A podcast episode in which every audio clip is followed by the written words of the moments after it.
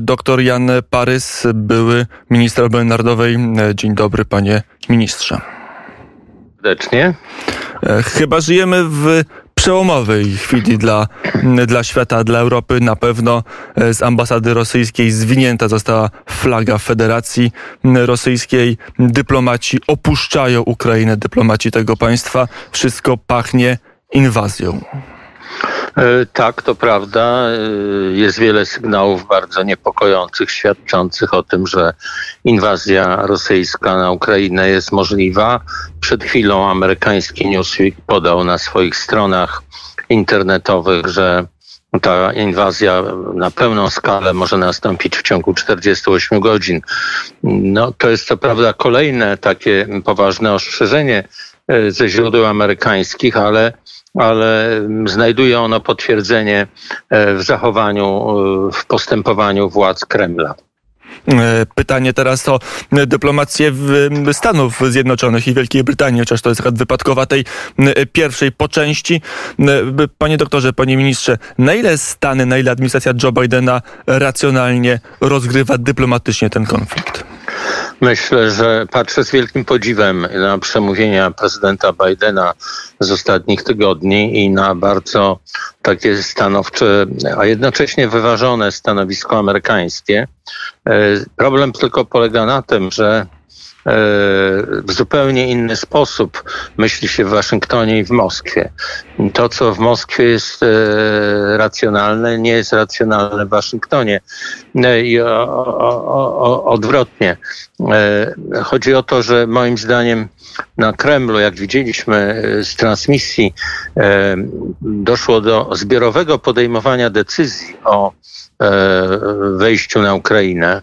E, widać wyraźnie, że Putin stara się rozłożyć odpowiedzialność za tę decyzję na wszystkich i było rzeczą oczywiście niewyobrażalną, żeby ktokolwiek się mu przeciwstawił, kiedy, mm, kiedy to jest filmowane, kiedy to jest tak duże gremium. Jednym słowem, w tej chwili cała ekipa Putina jest e, jakoś zaangażowana w tą decyzję o wojnie. Przy czym e, moim zdaniem e, to jest ekipa, która w większości w ogóle nie rozumie uwarunkowań międzynarodowych, nie bierze ich pod uwagę, nie, nie docenia zależności uwikłania Rosji w stosunki międzynarodowe, handlowe, gospodarcze E, finansowe i oni biorą pod uwagę wyłącznie czynnik wewnętrzny, a ten czynnik wewnętrzny polega na tym, że ludność od właściwie pół roku była karmiona ogromnie silną propagandą antyukraińską, antyzachodnią i dzisiaj bardzo ciężko się z tego wycofać. Można powiedzieć, że świadomość e, obywateli Rosji została przesterowana w ciągu kilku e, miesięcy. Widzieliśmy z jaką furią, z jaką zaciętością przemawiał Putin, co on mówił o Ukrainie, jak ją deprecjonował, lekceważył, jak ją, ją pogardzał. Otóż e, takie głosy, które od wielu miesięcy trwają w Moskwie, spowodowały, że dzisiaj e, ciężko jest się wycofać e, z tej mobilizacji i z tych gruźb, e, bo byłaby to no, prawie że kompromitacja tej ekipy mm, w takim sensie wewnętrznym. A z drugiej strony to, wiele na... osób mówi, że to się nie opłaca, że inwazja na Ukrainę bardziej będzie e, przypominać Afganistan z lat 80. niż chociażby operację militarną w Gruzji, dość szybką i zakończoną pewnym, czy ograniczonym, no ale jednak sukcesem. Tutaj ofiar będzie znacznie więcej. Z punktu widzenia logiki zachodniej to się nie opłaca, ale może my po prostu nie rozumiemy Władimira Putina i jego ekipy.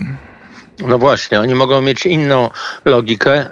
Poza tym oni wiedzą, że mogą w każdej chwili zaprzestać interwencji militarnej i poprosić o rozmowy i te rozmowy i Zachód to oczywiście przyjmie e, tą e, propozycję rozmów, no bo na Zachodzie jest rzeczą normalną, że się preferuje dialog e, bardziej niż, e, niż konflikt zbrojny.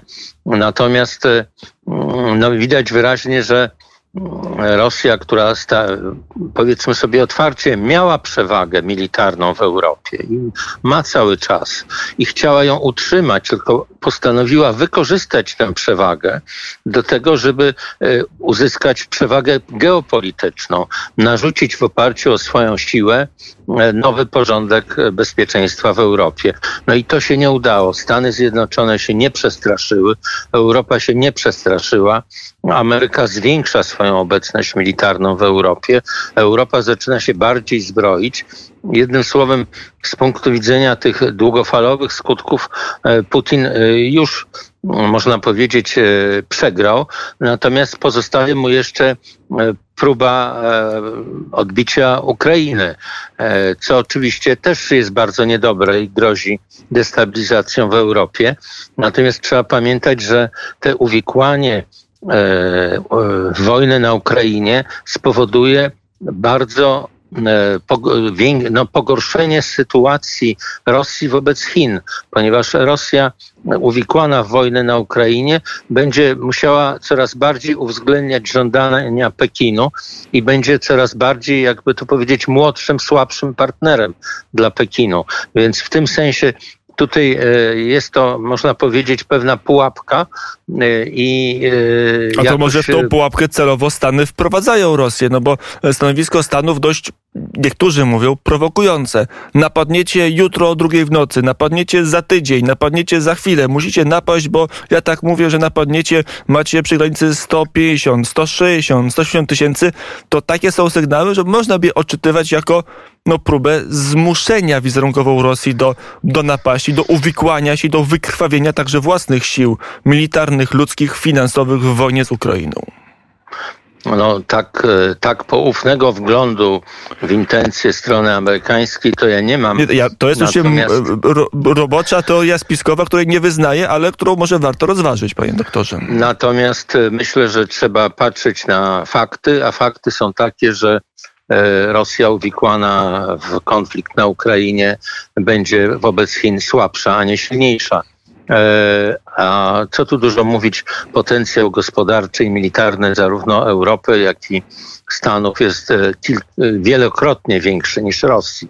E, I Zachód, tak zwany kolektywny Zachód, może sobie pozwolić na długotrwały konflikt.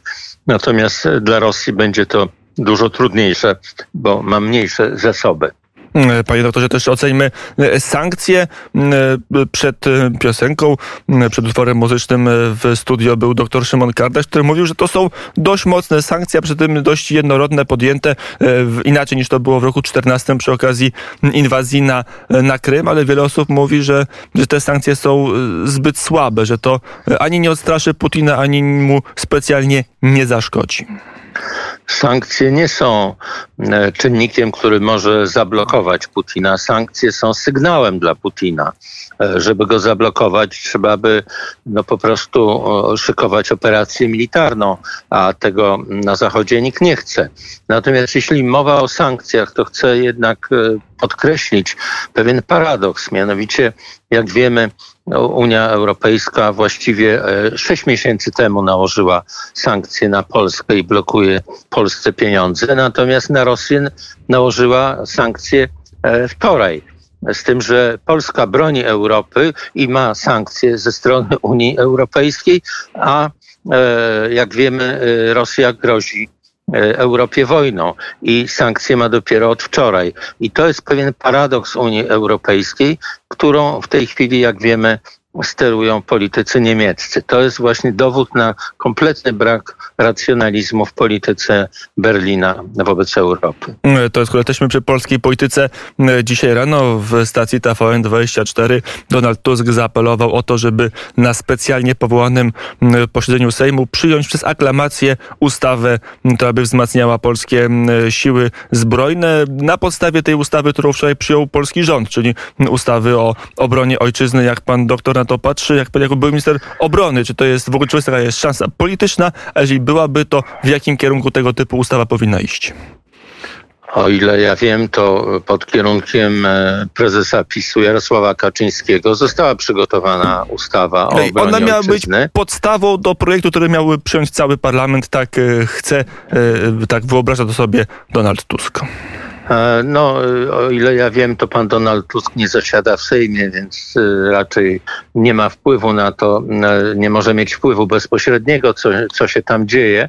Natomiast na pewno obrona ojczyzny powinna być sprawą dla wszystkich ugrupowań politycznych najważniejszą i trzeba liczyć na to, że ustawa, która została zaproponowana, tak zwana właśnie ustawa Kaczyńskie, Jarosława Kaczyńskiego, no zyska E, poparcie, e, ponieważ e, jest, można powiedzieć, najlepszą odpowiedzią na sytuację, którą stworzył Putin w Europie.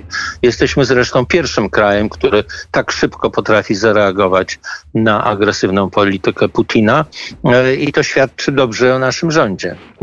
Panie doktorze, panie ministrze, to ostatnie pytanie, bo tu jest pewien spór w łonie Prawa i Sprawiedliwości. Antoni Macierewicz mówi, jest, to jest taka sytuacja, że trzeba przywrócić obowiązkowy pobór, czyli służbę zasadniczą. Minister Błaszczak mówi, raczej zachęty, nie przewidujemy tego typu działań. A jak uważa pan minister? Myślę, że mm, w obliczu tego zagrożenia, które jest, y, należałoby rozważyć y, u nas y, system armii z jednej strony zawodowej, ale z drugiej strony takiej armii obywatelskiej, jaka jest w, Szwajc w Szwajcarii. Tam każdy mężczyzna przez większość swego życia jest wzywany na ćwiczenia i jest przygotowany do obrony kraju. To jest w tej chwili najważniejsze, bo mamy ogromny kłopot, gdyż nie mamy dostatecznej zdolności mobilizacyjnej, nie mamy dostatecznej ilości rezerwistów. Już wkrótce możemy mieć więcej broni niż ludzi, którzy będą e, wyszkoleni, by jej używać. Więc e, A w każdej myślę, wojnie że... rezerwy są najważniejsze i to nie tak. jeden konflikt zbrojny pokazał. Dr Jan Parys, były minister obrony narodowej, był gościem popołudnia wnet. E, panie ministrze, dziękuję bardzo za rozmowę. Dziękuję.